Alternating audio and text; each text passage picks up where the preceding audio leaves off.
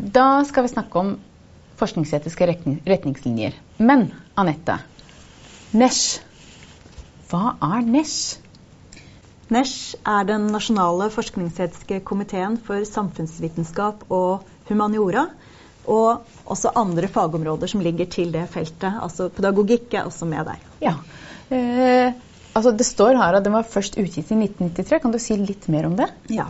NESH ble etablert i 1990, og oppdraget deres er å være en rådgivende komité for forskningsetikk.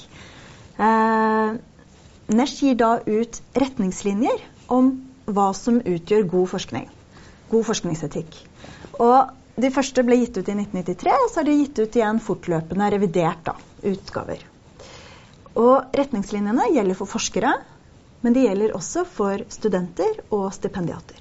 Ja, Så det betyr da at hvis jeg er student og ikke har veilederen tilgjengelig, så kan jeg ta kontakt med dere og få veiledning.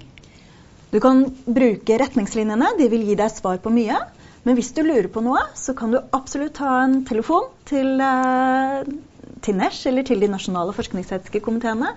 Og du kan også få råd hvis du har forskningsetiske problemstillinger i masteroppgaven din. Ja, Men er det noen ulike grupperinger for ulike typer råd eller retningslinjer?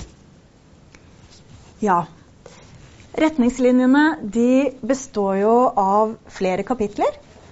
Eh, og det ser vi jo her, de kapitlene som er eh, viktigst for studenter på læremaster, det er jo de som er markert i fet skrift. Disse retningslinjene, disse gruppene av retningslinjer de har jo eksistert helt siden starten, siden 1993. Så de er jo ganske konstante. De forandrer seg ikke selve inndelingen, de punktene som er viktige.